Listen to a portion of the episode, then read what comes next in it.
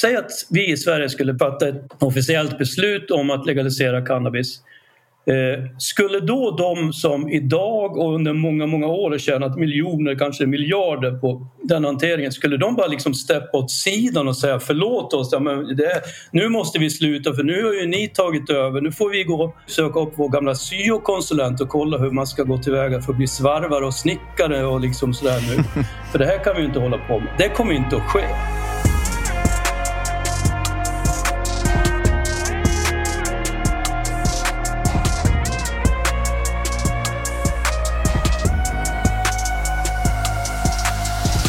Ja, då vill jag önska er varmt välkomna till ännu ett avsnitt av Hedman och Hedén, en beroendepodd. Du heter Nemo Hedén. Jajamän, det gör jag. Och bredvid mig har jag som vanligt min kära vän och kollega och parhäst och mentor i livet, Magnus Hedman! Hej Nemo! Hej Magnus! Hur mår du? Jag mår bra. Hur mår du själv? Jag känner mig ändå mer fylld av energi och glädje än för en timme sedan. Vi har ju haft, eh, vi, har ju, vi brukar göra som så att vi har flera inspelningar i rad. Ja. Och nu känner jag in mig in i ett stim. Oj, oj, oj. Ja, nej, men du är ett flow alltså? Ja, men jag tycker ändå det är någonting härligt med att göra som vi gör. Att vi, har liksom så här, vi, vi kör skov av inspelningar. För man Ja. blir så jävla... Man går verkligen in i det då liksom, Ja. och in i någon slags flow. Och det känner Vet du vad jag jag tänker? Ska vi stanna kvar lite vid ordet flow? Mm. När, eh, därför att det är ju så här med, med oss människor, nu kanske inte det här bara har med beroende att göra, men människor som du och jag till exempel. När vi har saker som är lite tuffare så är det så lätt att vi börjar ställa oss frågor som vad är meningen med livet? Mm. Eh, Och det är rätt svårt att få svar på det när man inte mår speciellt bra. Men när du är i flow, hur ofta ställer man sig frågan då? Meningen med livet? Exakt. Man bara kör, Ja. för man är i ett flow. Verkligen. Och man, man bara rider vidare på det och njuter Ja. av, av nuet på ett helt annat sätt. Och vet du vad jag tycker är så synd då? För det här hör jag många människor som, som kommer till mig och, och ställer frågor kring just Ja, fan alltså saker går så bra just nu. Men, ja, men det är väl underbart, säger jag. Vad kul, grattis. Ja, men, men alltså det, någonting kommer ju hända snart. Mm. Mm. Det är nästan som att vi framkallar att någonting tråkigt, jobbigt ska hända. Och i mitt fall så tror jag ju mycket att det där handlar om att det här jobbiga som eventuellt kan komma att hända, vilket vi egentligen kan säga att det kommer att göra för att det kallas, för li- det kallas livet. Det är just så här att lära sig hantera utmaningar i livet. Lära sig hantera känslor. Och det är det du och jag har fått väldigt mycket av eh, genom till exempel tolvstegen som vi har gått och vårt tillfrisknande. Ja, Hänger det- du med i mitt resonemang? Jag hänger helt med och det är ju lite sådär det här med att man fokuserar på glaset är halvtomt lite grann. Att man tänker så här, det kommer snart bli värre istället för att njuta av det som är nu. Och det är ju en konst. Ja, det är en konst. Det, det, Det är en går ju hand i hand med tacksamhet. Liksom, Ja, verkligen. men jag tror mycket att det där handlar om också vem man pratar med. Att man ska försöka omge sig med folk som, som kanske har kompetens eller som har gjort resan förut. Men, men kanske inte sådana som bara säger ja, jo men det är klart, det är samma för mig, något skit kommer att hända snart. För att livet kommer gå upp och ner. Det är lika för oss alla. Mm. Det som kommer att skilja oss åt är ju hur vi hanterar upp och nedgångar. Ska vi prata om vår gäst? Absolut. Eh, Så här är det. Vi hade ju Bitten Jonsson i Ja. podden för, eh, ja men det var väl i alla fall två månader sedan. Ja, ungefär ja. Och eh, det blev ju väldigt uppskattat. Hon var ju en karismatisk energibomb. Och väldigt kunnig. Väldigt kunnig, extremt kunnig. Man fick sig en rejäl käftsmäll angående socker och kost. Och, eh, ja, det var väldigt fin respons på den episoden. Så fin att jag eh, mejlade Bitten och kollade med henne så här. Känner du någon som du tror skulle passa i vår podd? Har du något tips på en gäst som du känner skulle göra sig bra i vårt format? Något som har något unikt att bidra med och som gör sig bra i poddsammanhang? Då svarade hon så här. Ja. Jag högläser. Högläs. Hon skrev så här. God morgon fina Nemo. Tack för förtroendet. I första hand rekommenderar jag den gamla slitvargen Börje Dahl. Socionom som jobbat inom beroendefältet lika länge som jag, 35 år plus. Han har jobbat med familjer där unga drogar, ute på fältet, föreläst i åratal. Sveriges bästa på internetdroger. Han hjälper människor dagligen i det tysta. Specialist på diagnostik av alkohol, droger, piller och spel. Och underbar humor. Vi har känt varandra sedan början på 90-talet. Var du ens född då? Hehe. Börja där så funderar jag vidare. Varm kram från Bitten. Wow. Och vet du vad Magnus? Nej. Det är Börje som är veckans gäst. Då tycker jag vi välkomnar Börje in. Välkommen, Välkommen. till podden Börje Dahl! Woho! Ja, men tack så mycket. Vilka fina ord. Ja, det var inte våra ord, det var Bitten. Ja, jag vet, jag vet. jag fattade. Hur är, vad har ni för relation? Vi är ju nära vänner, kompisar sedan länge och så är vi ju partners också, alltså i jobbet.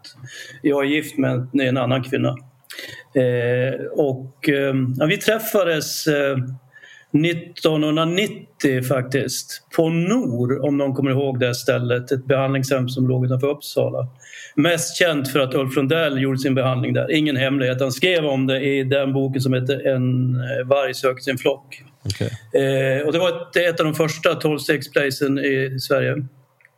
Och vi skulle dit och eh, utbilda oss i Addis, alkohol och drogdiagnosinstrumentet som jag nu märkligt nog äger själv. Vi var där som rookies, jag och Bitten och Bitten skulle intervjua mig. Jag skulle fejka och vara en ganska jobbig finsk alkoholist eh, med stark förnekelse och rätt mycket aggressivitet. Och hon skulle försöka komma under mig och montera ner mitt eh, försvar lite grann och få mig att berätta saker om mitt eh, eh, beroende och så, vilket ju är tanken med Addis. Mm. Och hon gjorde det så jävla bra så att jag, jag är i och för sig ganska lätt lurad och sådär och godtrogen. Så att eh, jag köpte liksom hela konceptet och lät mig liksom bli alltså, mentalt eh, besegrad av henne och nästan lite förförd fast på ett eh, bra sätt. Eh, och så blev vi kompisar där, hon och jag, vid den, ja, faktiskt under den dagen. Och sen har vi haft kontakt under åren och sådär från och till. Men sen jag och min son tog över rättigheterna för det här instrumentet Addis så har vi haft jäkligt mycket kontakt, Bitten och jag, och vi har tagit fram ett gemensamt diagnostiskt system, ett verktyg som heter Sugar, som betyder Sugar Use General Assessment Recording som bygger på samma eh, utgångspunkter som Addis gör. Långt eh, svar på kort fråga.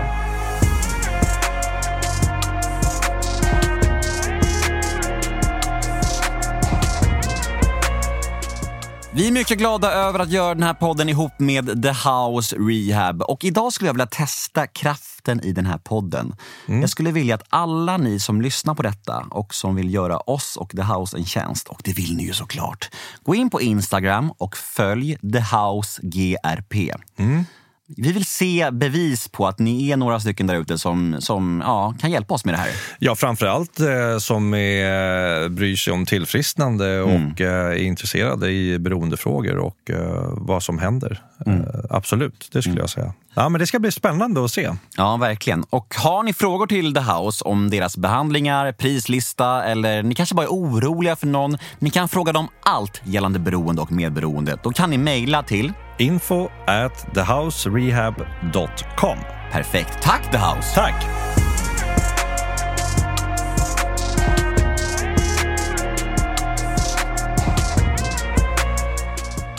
Kan du utveckla vad Addis är? För jag tror att Bitten pratar om det i vår episod. Men, men för, för de som inte har hört den, det avsnittet och, och, inte minst det. Vad är Addis? Självklart. Ja, men Addis betyder alkohol och drogdiagnosinstrument. Och det är då ett sätt att eh, undersöka en människas relation till eh, olika typer av psykoaktiva substanser, alkohol, narkotika, eh, läkemedel. Det bygger då på, eh, ni vet, känner säkert till att det finns internationella system, kriteriesystem som är framtagna av WHO. Det heter ICD, det här systemet, International Classification of Diseases. Och så finns det ett som är framtaget av American Psychiatric Association som heter DSM, Diagnostic and Statistical Manual of Mental Disorders. Addis är en, kan man säga, en operationalisering av de här två systemen ehm, och eh, bygger då i sin tur på ett amerikanskt verktyg som heter SATS, Substance Use Disorder Diagnostic Schedule. Och utgångspunkten är då att eh, i ICD-systemet som är det som vi arbetar mest med från WHO så har man då genom forskning, genom studier, genom erfarenhet kunnat fastställt att ett beroende konstitueras av sex olika områden eller kriterier. Det är tvångsmässighet, det är kontrollförlust, det är tolerans, det är abstinens, det är försummelser av nöjen, intressen, förpliktelser i livet på bekostnad eller till förmån för användningen och det är fortsatt medveten användning. Det är de sex kriterier inom vilka ett eh, beroende etablerar sig så att säga. Så att det vi gör med Addis det är att vi genom olika frågeställningar ringar in förekomsten, den eventuella, av eh, ett aktuellt beroende hos en människa. Så det är ett diagnostiskt instrument. Mm. Om jag som lyssnare nu sitter och lyssnar på det här och tycker att det här verkar jättespännande och intressant, hur gör jag för att ta del av det då? Då eh, går man in på vår hemsida är enklast att gå in på addis.se och läsa där för att vi, vi utbildar ju folk, eh, behörighetsutbildar ju folk i det här systemet så att man kan jobba med det.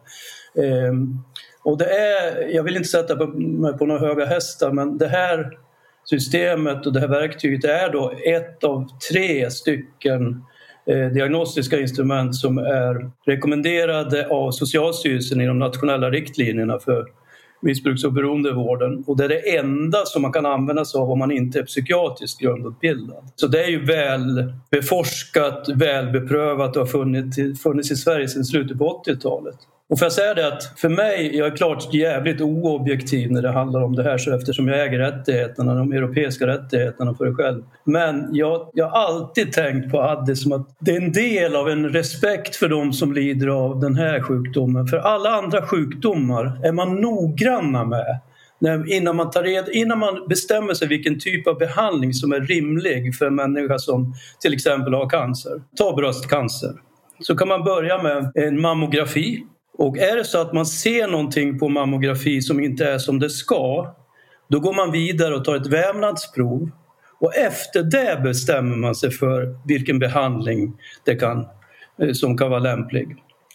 I beroendevärlden så räcker det ibland med att man får tio frågor på vårdcentralen. Audit kallas det för när det gäller alkohol, Alcohol Use Disorder Inventory Test. Eller DUDIT, det D står för droger. Och screenar man positivt på det så kan det vara tillräckligt för att man ska bli hänvisad och remitterad till ett behandlingshem eller en öppenvårdsenhet. Ja. Så det är lika oetiskt som att bli förvägrad vård när man har rätt till det, tycker jag. Och det är en respekt för de som äger den här sjukdomen. Eh, som jag ser i alla fall.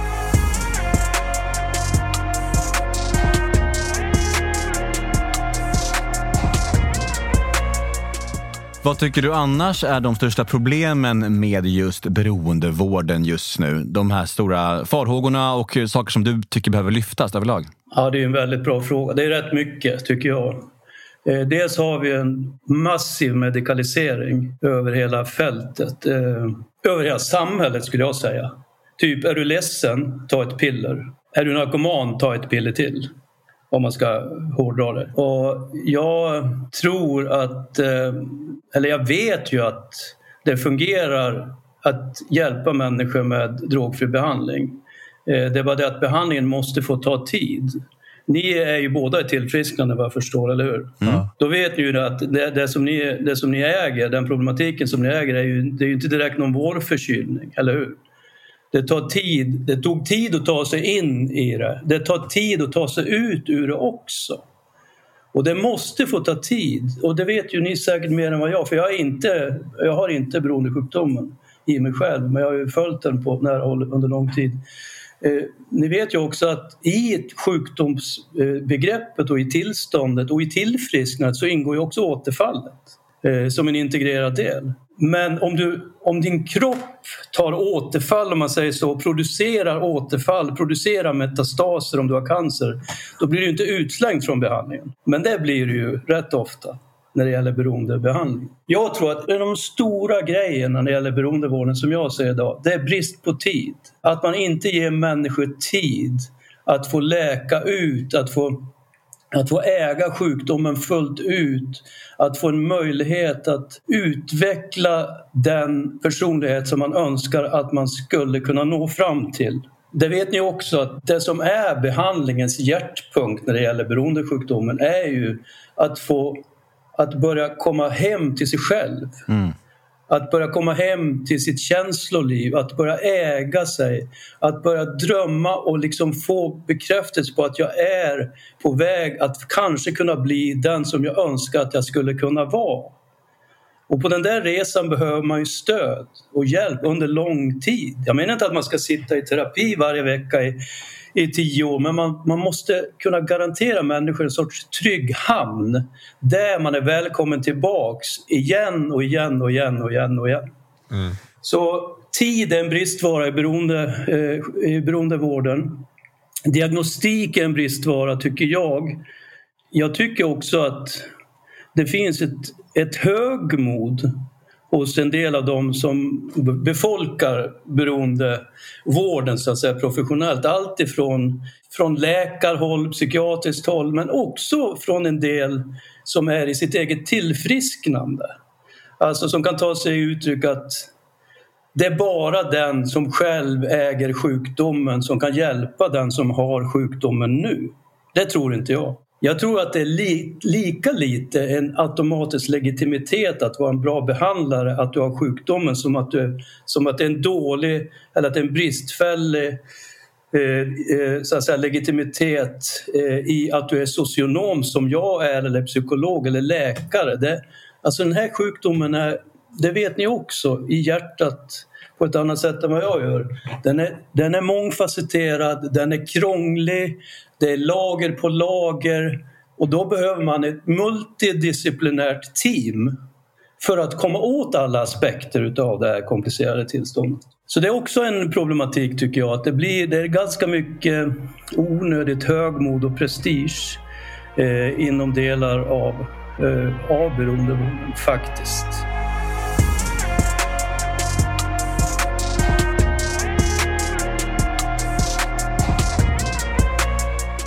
Du har jobbat, eh, Nemo nämnde ju det här nu i eh, presentationen. Ehm, någonting som, som jag eh, fastnade vid när jag fick höra det här från Nemo tidigare var just det här med internetdroger. Ja, just det. Du berättar lite hur du, hur du jobbar med det. Och, och... Det är ju ett djävulsgissel alltså, såklart. Jag menar, förr var det ju så att, förr är ju ett relativt begrepp, men jag menar ja, säg för 10 år sedan, 15 år sedan, för att få tag på droger var du tvungen att förflytta dig någonstans. Ta dig ut kanske till ett jävla läskigt ställe eller åtminstone ha en kontakt med en person som du inte visste något om. Du vet, sådär.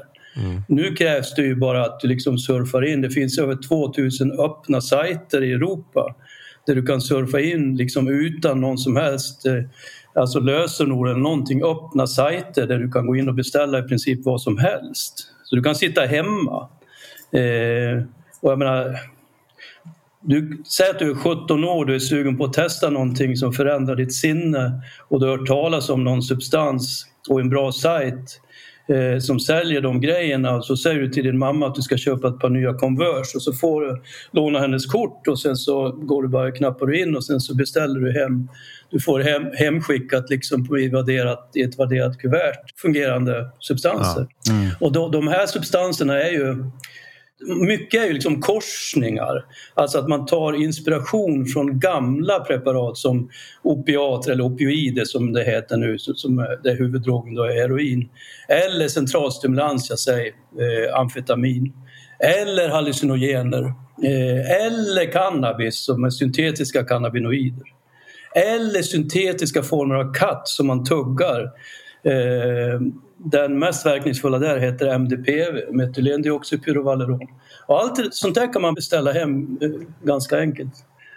Vill man sen liksom vara ännu mer, få ett ännu större utbud Ja, då kan man jobba med dark web och det är lite mer komplicerat. Då behöver du få då behöver du ett, liksom ett krypterat inlogg och du behöver en annan typ av webbläsare och sådär och, och, det är lite mer komplicerat men inte alls oöverkomligt. Plus att mycket vardagshandel med narkotika idag är ju via, jag menar det är bara liksom ni, ni läser om det, Encrochat eller Encrochat, det där polisgrejen. Ja. Encrochat. Just det. Alltså det ja. finns ju den varianten och det sättet att distribuera och hantera droger finns ju överallt. Så att eh, det är, alltså narkotikamarknaden är ju helt revolutionerad i och med det här. Alltså, helt och hållet. Du har väl erfarenhet av det här Nemo? Just det här med internetdroger då, som vi kan stanna lite vid som eh, kallas RC-droger. Ja. Research Chemicals står det för. Mm. Och det innebär ju att det är ju droger som inte, oftast inte har illegaliserats ännu. Och Det gör ju att man kan beställa det här utan att få några egentliga konsekvenser. Och eh, även om nu polisen i det här fallet eh, gör de här drogerna olagliga och det enda, det enda som händer då är att eh, det skapas en ny variant där en molekyl ja. är utbytt och då, då, är den varianten laglig. Så att det är som en loop där polisen aldrig kommer åt de här substanserna. Men är det så här fortfarande? Alltså? Precis så är det. Och det, det, det, det officiella namnet, det är sant som du säger Nemo, Research Chemicals hette det först och sen blev det nätdroger, internetdroger. Nu finns ett officiellt namn på det här och det kallas för nya psykoaktiva substanser. Mm. Det är det officiella namnet. Och det inkluderar då, det började egentligen med ecstasy under rejvrörelsens tidiga dagar. Eh, och ecstasy är ju en korsning mellan kan man säga, amfetamin och LSD, alltså både uppåt och alltså får du hallucinationer i den grad du önskar det så att säga. Eh, så det började där och det finns ju fortfarande kvar. Ecstasy heter ju egentligen metylendioxymetamfetamin så då hör man ju vad det är för någonting. Och sen har det då kommit till fenetylaminer som är liksom den moderna typen av amfetamin och tryptaminer som är en modern form av ja, LSD, hallucinogener. Plus då en massa bensopreparat eh, som hela tiden förändras. En massa opioider också. När, vet, när folk tar substanser som är till för att bedöva större djurarter då fattar man ju att de, att de, att de, liksom, att de balanserar i dödens utmarker varenda gång som de använder de drogerna. Mm. Så att eh, ja, det är, det är en riktig det är en riktig sörja och som du säger också Nemo det, det, här är, en, det är som en loop det här. Alltså, så fort som någonting blir narkotikaklassat då manipulerar man en molekyl och sen så tar man fram en ny variant som undangår narkotikalagstiftningen och så rear man ut det som är på väg att klassas. Mm. Och så säger man köp det här istället, det här är grönt, det är lugnt och sådär. Så egentligen borde man göra som i Norge. Man bör, jag brukar aldrig säga att vi ska göra som i Norge annat när det, kanske man kollar på skidor på tv och sådär. Men, men i Norge så har man en familjeklassning, en generisk klassning kallas det för. Där man, man vet ju, det är inte liksom rocket science, man vet vilka substanser, så att säga, sammansättningar, molekylsammansättningar som konstituerar det här med nya psykoaktiva substanser. Där har man i preventivt syfte narkotikaklassat hela skiten. Ehm, där borde vi kunna göra i Sverige också. Mm. Jag har aldrig riktigt fattat varför man inte gör det. Nej, för att det var just de här internetfrågorna som var min kopp med te. Och jag har ju hållit på Jaha. med allt det där. I, okay. liksom, det var ju det som var min huvuddrog var just en variant som heter 3-MMC och föregångaren mm. till det var liksom mefedron. Ja, just det. Eh, och, eh, och det har du säkert koll på. Och, ja, ja. och jag har ju kontakt med folk eh, eller inte kontakt med människor, men jag har hört på villovägar om att det liksom fortfarande än idag skapas nya kopior av det här. Och, och jag höll ju på med det själv. Att jag, jag körde ju just 3MMC stenhårt då, tills det blev olagligt, för då var jag alldeles för paranoid för att hålla på med det. Så mm. då började jag köra kopian och en kopia på kopian. Mm. Och så var jag inne på Flashback och bara snurrade runt där. Och, så här. och det räckte liksom för mig med att en enda människa kunde säga så här ja den här nya substansen har viss likhet med 3-MMC. Yeah. Och det, det, räckte, det räckte för mig som kvitto för att beställa yeah. hem 10 gram. Och mm. så bara så här, satt jag i min ensamhet och provade det och slog i mig två gram och så bara hade ingen aning om vad som skulle hända eller vad jag Nej. ens slog i mig. Nej. Och så kunde liksom en arm börja domna av eller ett knä börja skaka och jag bara hoppsan, ja, vad händer nu liksom? Det där är så jävla sjukt alltså. Men var det där, en, den där oförutsägbarheten, var det också en del i ditt beroende. Förstår du vad jag menar då? Nej, men jag, nej, nej, nej, nej, jag vill bara alltså åt att, du, det att det fanns som... en fascination eller en, alltså någon, någon typ, ingenting. För en del, för menar, en del människor som, som, som, som vi träffar eh, för en del spelar ju ingen roll, som, ingen som helst roll vad, vad man petar i sig. Det är som att en del människor ser sig som containers. Mm. Eh, de har reducerat sig själva så till en milda grad så att det spelar ingen roll. Och jag menar, skulle det gå åt helvete, vem bryr sig? I alla fall inte jag och ingen annan heller. Mm. Eh, för andra blir ju det här liksom att, att, att röra sig i dödens utmarker blir ju en del liksom utav, liksom, vad ska jag säga, en del av ritualen.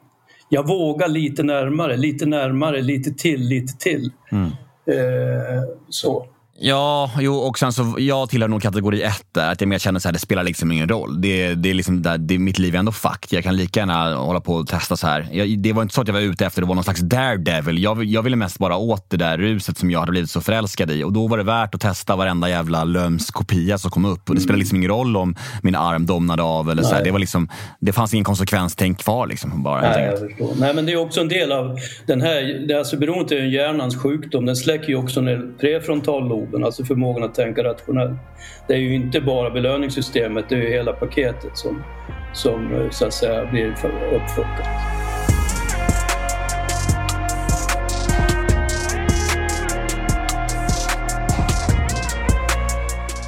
Hur pass ökande är just internetdroger har du märkt då, bland, eh, folk? För det snackas inte så mycket om det. Jag, jag, eller tycker jag, inte som det borde göra i alla fall. Det är en bra fråga. Jag, jag tror att eh, en, en av de första eh, substanserna som fanns att köpa digitalt var ju Spice. Just det. Som är syntetisk cannabinoid. Den är nästan väck alltså. Och det beror väl dels på att ehm, eh, vi hade en, eh, alltså en, några, några batchar av Spice på 2017, 2018 eller vad kan det ha varit, någonstans där. Så var, folk dog ju av det. Just det. Eh, det kan vara en orsak, men jag tror att den främsta orsaken är att det finns så otroligt mycket högpotent, välfungerande cannabis, vanlig cannabis idag i omlopp, hasch och marijuana. Eh, med THC-halter som är liksom... Ja, du vet när, när, när Bob Dylan tände på Paul McCartney och de andra i Beatles 1964 eh, så rökte de marijuana som höll typ 3-4 procent THC. Jag menar, det, det är omöjligt att få tag på sådana liksom dåliga produkter idag. Nu är det uppåt 20, 30, 40, ja hur mycket som helst så att säga. Eh, så man kan säga att cannabis idag jämfört med cannabis förr, det är liksom det är två olika droger. Det är lite som det, jag tycker det är lite som att jämföra strårom med folköl faktiskt. Ja. Det där är ju någonting som många pratar om just när det kommer till cannabis och sådär. Att det, att det inte ska vara så farligt och det ska vara läkande och det ska vara bra. Och det är klart att med, med 3-4 procent så kanske det inte var lika farligt. Men, men då dagens cannabis menar du att ha mycket, mycket högre halter av THC i sig? Ja men absolut. Och, och, alltså, för mig, jag har jobbat ett tag i det här. Jag, jag, tycker att de som har varit svårast att hjälpa är de som har rökt eh, mest cannabis. Det är som att du dör ju inte av det, du överdoserar inte av det men du liksom försvinner, löses upp tycker jag. Ja. Du försvinner liksom som människa ja. eh, på något sätt. Alltså du, och är du ung, eh, som ju många är när de debuterar, så och hjärnan inte är färdig så är det liksom som att du skolkar bort dig, inte bara från plugget utan från dig själv. Ja. Och liksom blir kvar. Eh, drömlös och visionslös och liksom i en sorts tomhet. Eh, det är i alla fall min erfarenhet. Jag tycker cannabis är en riktig jävla skitdrog, särskilt för de unga. Eh, och legalisering tycker jag är ett fruktansvärt korkat påfund överhuvudtaget. Jag är väldigt mycket emot det faktiskt. Ja, om du ska utveckla kring det, för det är ju en eh, ständig debatt det där med illegalisering eller, legalisering av marijuana. Vad, vad tänker du om det och vad... Ja, utveckla gärna. Jag tänker så här att det finns eh, redan, alltså om man, om man kan läsa om vad som har hänt på olika ställen, till exempel i Colorado som har haft det här länge, sedan 2013. Eh, och där har man då tittat på, och det är som en, en, officiell rapport från Vita huset där man har tittat på konsekvenser av legalisering mellan 2013 och 2016. Och det är ju bland annat ökade dödsfall med cannabispotenta personer i trafiken, det är ökad psykisk ohälsa, alltså ökade inläggningar med cannabisrelaterad problematik på psykiatriska inrättningar. Det är att unga under 18 röker betydligt mer där än i andra delstater. Det är att kriminaliteten inte har minskat, vilket man ju ibland säger, utan snarare ökat. Jag tänker så här, säg att vi i Sverige skulle bestämma oss för, eller man skulle fatta ett, ett, ett officiellt beslut om att legalisera cannabis skulle då de som idag och under många, många år har tjänat miljoner, kanske miljarder på den hanteringen, skulle de bara liksom steppa åt sidan och säga förlåt oss, ja, men det, nu måste vi sluta för nu har ju ni tagit över, nu får vi gå alla vi som är unga och bor liksom i bostadsområden med många svårigheter. Vi får ju söka upp vår gamla syokonsulent och kolla hur man ska gå tillväga för att bli svarvare och snickare och liksom sådär nu. För det här kan vi inte hålla på med. Det kommer inte att ske det, det, kommer, det, som kommer att ske är att de kommer att säga Fan vad det här är bra! Nu har vi vidgat vår potentiella kundkrets något fantastiskt. Nu kan alla röka. Men vem vill ha de här mesiga statliga produkterna med 5, 6, 7 procent THC? Vi har bättre grejer. Är du intresserad av att testa Lyrica eller om du vill prova någonting annat? Vi skickar med några ecstasy när du ändå handlar. Bla, bla, bla. Mycket billigare också för de, kommer, de betalar ingen skatt. Nej, jag tror bara det skulle jag tror det skulle explodera. På bekostnad av de unga mm. Mm. och av de mest sårbara. För att det man gör här och legaliseringsrörelsen internationellt gör, gör det. Det handlar bara om att tjäna pengar. Det handlar inte om att man är mån om, dem, om barn och unga som är vilsna kanske i sitt liv och i sin, i sin värld och i sin inre värld. Det handlar bara om att tjäna pengar. Kolla nu på sen, eh, faktiskt sen, sen när idioten Trump försvann. Det var ju bra tycker jag men, men kolla vad som har hänt med, med cannabisaktierna i USA. De har stigit jättemycket. Eh, delvis tror jag beroende på att Kamala Harris som är vicepresident har alltid varit jättepro eh, legalisering. Mm. Så att, eh, jag tycker det är en dålig idé.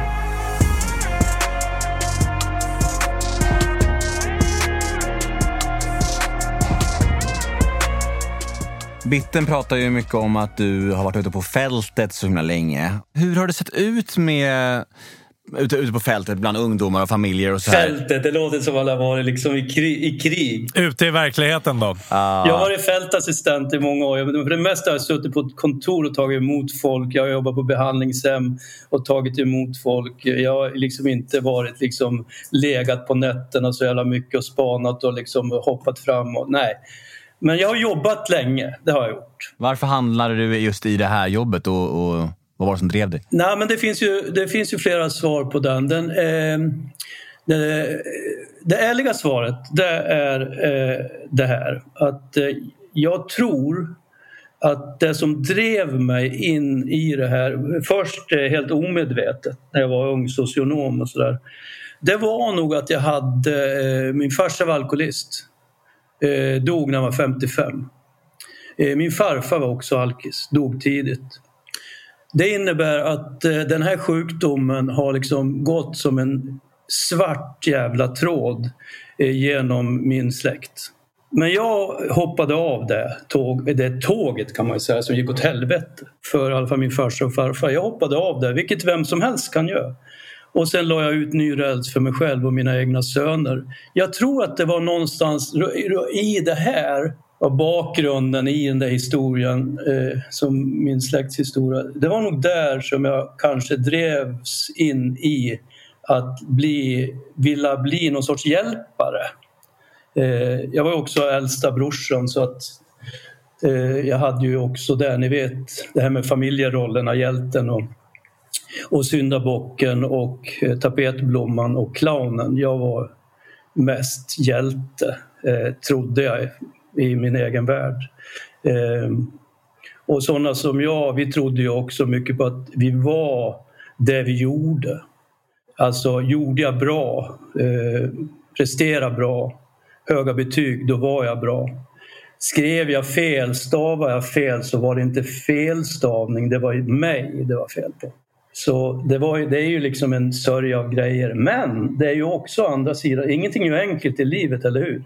Det var ju också det, det vi får med oss från den, utan att alls dramatisera det, det var som det var.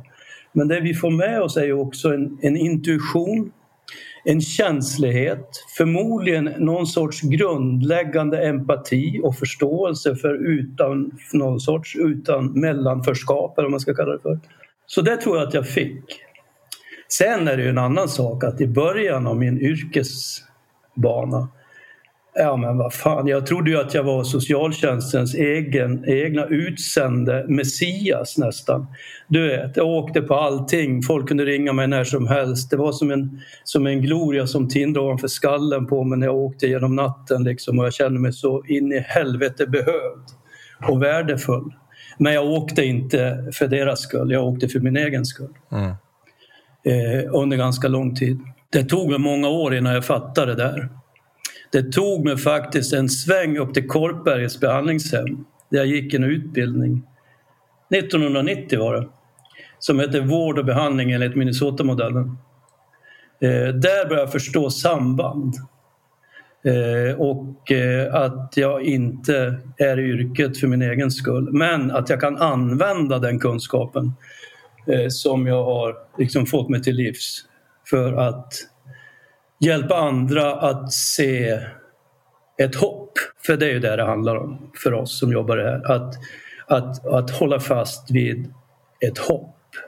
Vi kan ju bara förändra oss själva men vi kan förmedla en känsla av hopp och vi kan också visa på stigar som andra har trampat upp genom mörkaste skogen som har gjort att de har kommit ut på andra sidan. Det kan vi göra. Hur förändrades din yrkesutövning efter det här uppvaknandet? Att du liksom började göra det för klienternas skull istället för din? Det första som alltså eh, hände och som var så otroligt betydelsefullt för mig var att börja förstå vad beroendesjukdomen var. Eh, och det handlade ju om eh, dels den utbildning jag gick men framförallt det som var som en störtbomb rakt in i mitt hjärta och mitt sinne.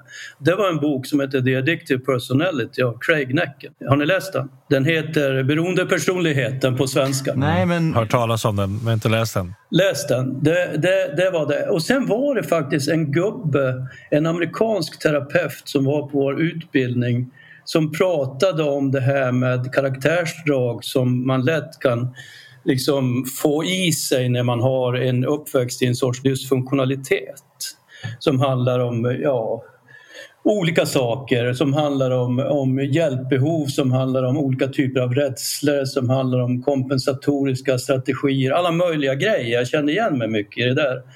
Eh, eh, men framför allt som sagt så förstod jag att det fanns en, en väg som är, den är ju fantastisk och jag, jag förstår att ni båda är i tolvstegsrörelsen att det finns en sorts långvård, som man kan säga det, för människor med beroendeproblematik som, som existerar överallt nästan på hela jordklotet.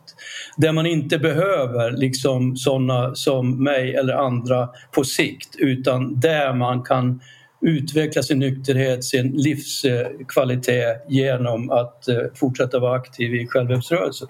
Så det var väl där liksom jag på något vis ändå förstod att det som, alltså det som jag är det är som en skärva i en mosaik som en människa ska liksom fastlägga för att liksom skapa sig själv. Mm. Eh, vi som är utanför, vi kan, ändå, vi kan aldrig bli något annat än en marginalitet och en tillfällighet. Men det gäller ändå att förvalta den möjligheten vi har fått att vara den tillfälligheten så bra som möjligt. Mm. Tänker jag. Mm.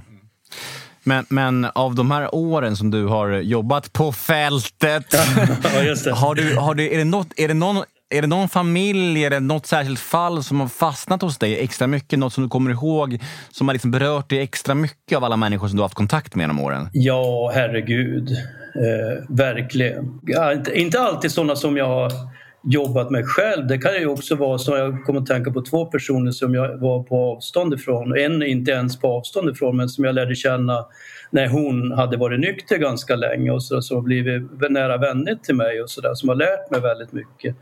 Men eh, det är klart, jag tänker både på de som har, de som har dött. Det är ju ändå ganska många. Eh, och hur jävla onödigt det har varit förstås. Eh, och hur, vilka, vilka förspillda liv det har varit. Men jag, tänk, jag tänker även på personer som jag och andra har tänkt det där kommer aldrig att gå, det kommer att gå åt helvete. För det är så jävla dåliga odds och det är så mycket slagg här som den här människan kommer aldrig att ta sig igenom. Det är upp till någon sorts yta. Morsan, narkoman, farsan, narkoman, alla narkomaner, kriminella. Och sen så har det ändå liksom blivit fantastiskt. Det är väl en lärdom, om någon, att du vet aldrig. Du ska inte tro att du vet någonting överhuvudtaget och kunna ställa några prognoser eller sådär eh, utifrån det lilla som du får veta om vad en människa är och vad en människa har gjort. Och sådär. Mm. Men jag tycker ändå, alltså jag är jävligt tacksam för eller ändå, jag är tacksam för att alltså jag har ju, det är få som har, alltså det är bara vi som är i den här beroendevärlden som får en inblick i den som, som man får när man håller på år ut och år in. Och man lär sig väldigt mycket om sig själv, om, om vad en människa är och vad en människa kan åstadkomma.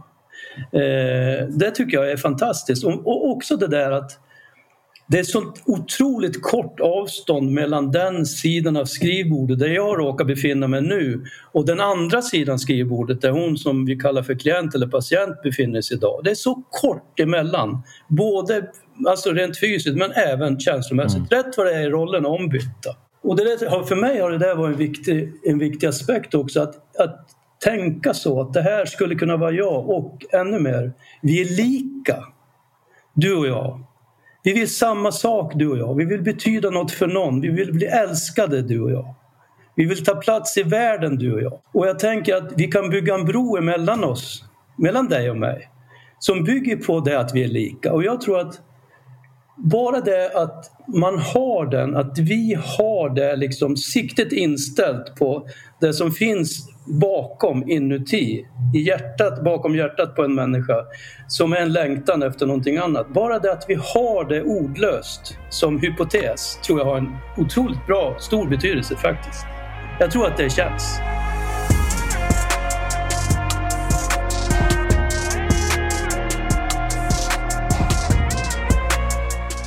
Om man tittar på eh, idag eh, på de yngre. Mm. Har det gått ner i åldrarna? För jag tycker att man läser och hör väldigt mycket om en ökad drogproblematik. Ja, men du vet, det där är ju sånt som man har hört i alla år. Det går ner, alltså skulle, det, skulle det ha varit sant i alla år som jag har jobbat då skulle man liksom börja skjuta heroin på dagis. Ja. Eh, jag, jag, jag, jag, tror inte riktigt på det där. Det finns, det finns dessutom, alltså bara för att ha en balans i det här, det finns dessutom alltså trovärdiga undersökningar. Det görs enkätundersökningar vartannat år när man kollar på årskurs 9-elever och de som går på två, i tvåan på gymnasiet. man tittar på mm. hur de har det i livet, bland annat med substanser och, och så där, alkohol också. Och där är det ju så att de som, är, de som går i nian, där är det ju långt under 10 procent som har någonsin provat narkotika.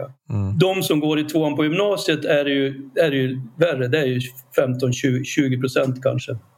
Men det innebär ändå att mellan 80 och 90 procent av alla som är tonåringar, unga, de håller inte på med det här. De håller på med något annat. Nej. De håller på med sin idrott och vad de nu gör och sin musik och de sprattlar runt och de är upproriska och allt vad man måste vara när man är i den där brytpunkten mellan, mellan barndomen och vuxenheten. De gör det och sen landar de ner i en vuxenvärld som är deras som de äger. Det måste man också komma ihåg, alltså det, så är det. Och det är ett hopp i sig självt. Ja, det låter ju hoppfullt när du säger det. Ja, men det är faktiskt För det är inte riktigt det man hör eller läser Nej, heller, men det jag. blir rätt mycket svart och vitt och sådär eh, när man pratar om det här. Och just det där, det är som ett mantra, det går ner i åldrarna, ner i åldrarna. Nej, det gör det, det, gör det inte. Det finns oroväckande moln liksom på himlen, men det finns också väldigt mycket positivt. Jag menar, vilka är det som står för framtiden idag? Är det är det liksom eh, gamla gubbar eller är det Greta Thunberg? Det svaret är givet. Jo. Men, men, men du pratar ju om det här att det tuffaste i din yrkesroll är ju såklart folk som mister livet i den här sjukdomen ja, och ja, de drabbade, drabbade familjerna. Mm. Blir man någonsin van vid det eller är det lika tufft nu som det var när du klev in i den här världen? Nej, men det, alltså, ärligt talat, det har inte hänt så. Jag, har varit, jag, vet, jag, jag kan inte säga att jag har haft tur, ja det har jag, men, men jag kanske har varit med om, i all, jag vet jag jobbar med det här sedan 77, jag har kanske varit med om högst 10-15 dödsfall som jag har haft liksom en anknytning mm. till. Ehm, mm. Sen är det ju så naturligtvis att eh, behandling fäster ju inte alltid. Eh, så är det ju, men så är det ju med all annan behandling också. Det, det blir ibland väldigt orättvist betraktelsesätt när man, när man liksom säger att ja, men hur många klarar sig om man säger så, som har genomgått beroendebehandling och sen har man någon siffra 20% 30% eller vad det nu kan vara. Men om man tittar på jag menar, hur många klarar sig som har liksom andra livslånga eh, liksom permanenta sjukdomar. Hur många följer till exempel diabetesregler eller sådana som har haft hjärtsmällar? Ja, men det är inga bättre siffror där. Så att det blir, jag tycker så här, jag tycker att beroendevärlden, beroendesjukdomen är ibland rätt styrmodligt behandlad på något sätt. Och, och, ibland så tänker jag, beror det på att, de, att det finns, jag vill ju inte tro det, men kan det vara så att det under ytan ändå finns någon sån här, du vet, lite sådär lite dold, eh, lite dolt förhållningssätt hos en del i alla fall som säger tyst men intensivt, vad fan, skärp dig nu. Mm. Alltså nu har du fått tre chanser, du har fått fyra chanser. Mm. Nu är det dags att ta dig i kragen till en människa vars krage försvann för tio år sedan. Mm. Jag tror inte att det, jag tror att den, den här gammaldags moraliska lutheranska eh, liksom, hållningen, jag tror inte att den är död. Folk säger ja, det är klart det är en sjukdom. Men därunder så, nej, jag, jag är jag vet inte, det kan bara vara min egen noja men jag, jag, jag tycker jag har märkt det ibland faktiskt. Vi har ju pratat om det rätt ofta i podden också, just alltså synen på beroende. Mm. Mm. Alla vet fortfarande inte att det finns något som heter beroendesjukdomen till exempel. Nej. Nej. Och det här kommer ju utifrån, det kommer ju också från skam och skuld och att folk Precis. vill inte prata, man vill inte belysa sina problem och sen såklart som du säger att det finns de som, som vad fan, det är väl bara att skärpa sig. Vadå, det är väl bara att sluta dricka? Mm. Det är väl inte så konstigt? Nej, precis. Jag tror, att folk, jag tror att folk är lite allergiska mot att uh, erkänna det som en sjukdom för att de tycker att uh, man då frånsäger sig ansvaret på något sätt. Mm. Att, mm. Alltså, men, liksom, och, och, det kan man ju förstå på ett sätt, men, men det tar liksom inte bort själva sjukdomsbegreppet och att det faktiskt är nu erkänt som en sjukdom. Liksom, på riktigt. Sen lång tid eh, tillbaka. Sen lång tid exakt. Tillbaka. Men, men jag, kan förstå det, jag kan förstå folk som tycker att det blir mer som att man bara skyller ifrån sig ännu en gång. Liksom. Det finns ju ett talesätt, jag vet inte var det kommer ifrån, men ungefär så här att du, du, du rår inte för att du har utvecklat sjukdomen men du ansvarar för ditt eget tillfrisknande. Exakt, ja. Men det handlar ju om att du får, måste få kunskap om vad det här är för någonting och att du, ja, det, framför, det vet ju ni om några, Alltså, eh, det handlar inte om kamp, det handlar om kapitulation. Mm, mm det handlar om att känna sig, erkänna sig besegrad. Eh, och att kasta in handduken. Jag menar ibland, det är ju inte sällan som att folk som är aktiva i sitt beroende, de är som taskigt tränade boxare som går upp mot Mike Tyson gång efter gång efter gång när han var som ett jävla monster. Mm. Och liksom blir nedslagna gång efter gång. Bara tänker efter varje nedslag, fan jag skulle ha slagit på honom en vänsterkrok istället. Liksom. Men nästa gång tar jag. Mm. Inte det så att han eller de eller någon annan slänger in handduken och säger ge det, lägg dig, du, klar, du mäktar inte. Gå därifrån den där jävla ringen, nu ge upp liksom. Mm. Så, så det är också mycket missförstånd tycker jag i det här med själva tillfrisknandets karaktär och natur, att det handlar om kamp och kämpa. Det är klart det finns ett element av det någonstans men framförallt handlar det om att acceptera sanningen om sig själv. Mm. Och att så att säga ge upp inför den sanningen och utifrån det räcka ut handen och säga okej, okay, jag behöver hjälp. Hjälp mig nu. Precis det vi pratar om. Mm. Att be om hjälp. Ja. Nyckeln. Ac acceptera, kapitulera och be om hjälp. Mm. Mm. Ska vi koppla in Robert Boman? Vi kopplar in The House svarar.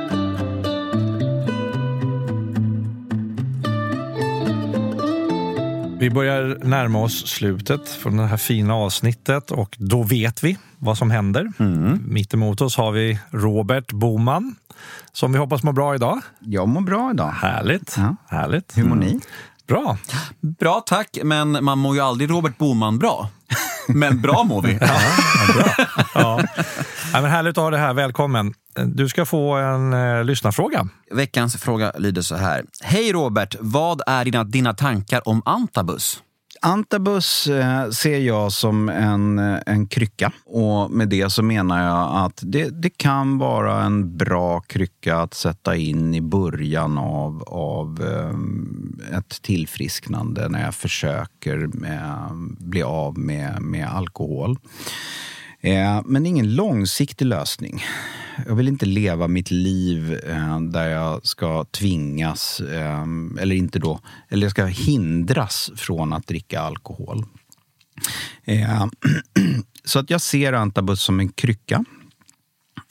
Och kan vara då bra, säg att jag har eh, varit nykter i en eller två eller tre veckor och ska bege mig iväg på en resa. Kanske tycker att det, är en, det här är en farlig situation, nu är det jobbigt. Eh, då tycker jag att det kan vara en, en bra eh, krycka helt enkelt. En liten följdfråga på det här just med antabus. Det är ju någonting vi, man hör ju det väldigt ofta, så här, men, men hur fungerar antabus egentligen? Det fungerar så att du får en... Om vi ska förklara det här enkelt så mm. får du en reaktion. Du, får, du, du blir rödflammig när, om du dricker alkohol, om du då har tagit antabus. Eh, och du får huvudvärk. Eh, hjärtat börjar slå eh, fortare. Så att du mår inte särskilt bra helt enkelt. Ja, och, och, det här ska då hindra dig från att dricka. Eh, det gör ju inte att du tillfrisknar på något sätt. Du har samma beroendeproblematik egentligen. Du har bara tagit ett piller som gör dig sjuk om du dricker. Just. Mm. Ja, men eh, super eh, Robert. Tack. Stort tack för det. Tack så mycket.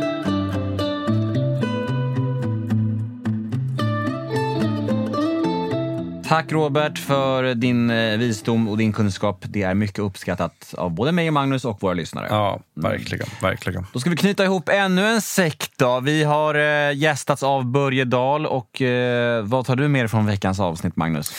Oj, det här var väldigt mycket information och en del nya grejer. Jag tar med mig att utifrån det som Börje säger att det inte är så alarmerande kring våra yngre som man läser att höra om. Det tycker jag var upplyftande. Sen, sen eh, om man har jobbat i 35 år med det här och han säger att det alltid pratas om att det alltid går ner i åldrarna. Så, eh, det tycker jag var, var positivt. Jag får eh, just det här, jag skulle vilja bara förstärka det här med att sluta kämpa och kapitulera istället. Det är där den stora delen finns för oss som har beroendesjukdomen. Att när vi slutar kämpa och fighta som saker och tar ett steg tillbaka och liksom kapitulerar och erkänner oss maktlösa, det är då vår möjlighet till tillfrisknande börjar. Mm.